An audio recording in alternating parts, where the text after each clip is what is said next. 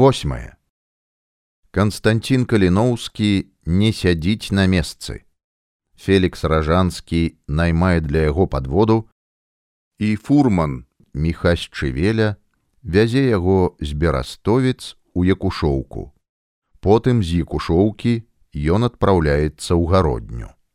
Стомлены недаспаны схуднелы. Ды паелі б чаго На пусты страўнік справы не робяцца, спачуваў яму фурман. Нічога, мехась. Не да гэтага цяпер. Ды возьміце хоць кавалак хлеба з салам, а то не павязу далей, не павязу і ўсё тут. Кастусь накінуўся на прапанаваны перакус, не заўважыў, як пуста стала ў руцэ, як за сябе выкінуў пачастунак. Даўно б так кастусь а то ў мяне душа баліць, гледзячы на вас. Кастусь падае на сена, на спіну, бярэ ў зубы сяніну, што выстрыкнулася з-за вуха, жуе, маўкліва гледзячы ў блакіт неба. Вясна, цёплы подых ветру. Недзе высока над ім заліваецца, аж захліпваецца ад радасці нябачны жаўручок, баіць песню прыходу вясны. Воблакі на небакраі, над лесам, зеляніна і сінеча. Ён здзіўляецца, што так рэдка глядзеў у неба.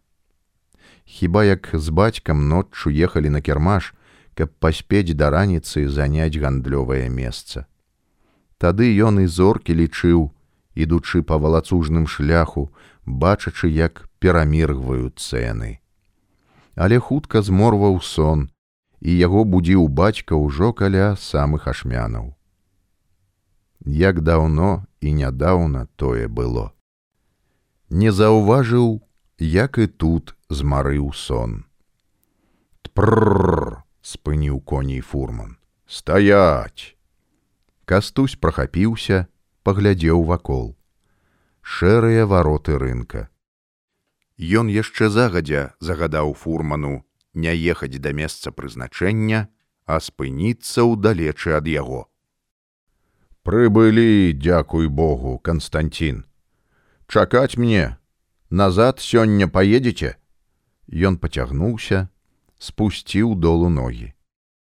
Калі праз гадзіну не вярнуся, то едзь мехась назад. Добра, зразумеў. А ён прайшоўшы праз густыя рады гандляроў, растварыўся ў верлівым шматгалосным натоўпе. У дзверы нехта пастукаў, потым яшчэ раз і яшчэ. Постук пачула пакаёўка і заспяшалася да дзвярэй, адчыніла іх. Ці дома спадар Адам Кіркор. Дома, дома, Віктор, адгукнуўся адам пазнаўшы голас. Праходь мой малодшы сябра праходь я не адзін з братам прамовіў госць. Тым лепш праходзьце ўдваіх хлопцы распрануліся выцерлі ногі абходнік выйшлі з калідора.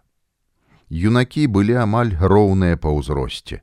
Наперадзе стаяў хударлявы ў шэрай світцы хлопец трошки позаду яго брат сур'ёзны з адкрытым ілбом і светлымі вачыма з зачасанымі назад валасамі. Адам падняўся з крэсла, пайшоў насустрач гасцям. Уладыслаў, гэта студэнты пецярбургскага універсітэта каліноўскія. Гэта Віктор, а з ім яго брат Вкенцій Канстанцін. Віктор сябра археалагічнай камісіі. Ён ведаеш, якія цікавыя дакументы адшукаў у бібліятэцы, не паверыш. Яшчэ ў 1857 годзе, працуючы над старажытнымі рукапісамі ў публічнай бібліятэцы, знайшоў рукапіс апісання межаў паміж Польшчай і вялікім княствам літоўскім, які напісаны гаворкай крывіцкай, беларускай значыць. Сыракомля падняўся, пайшоў насустрач братам, якія ўжо накіроўваліся да яго, назваўся. У вачах кастуся загарэліся промнікі цікаўнасці, відаць было, што ён узрадаваўся, сустрэўшыся з вясковым лірнікам. Чуў пра яго шмат, чытаў яго вершы, а вось так паціснуць яму руку не даводзілася.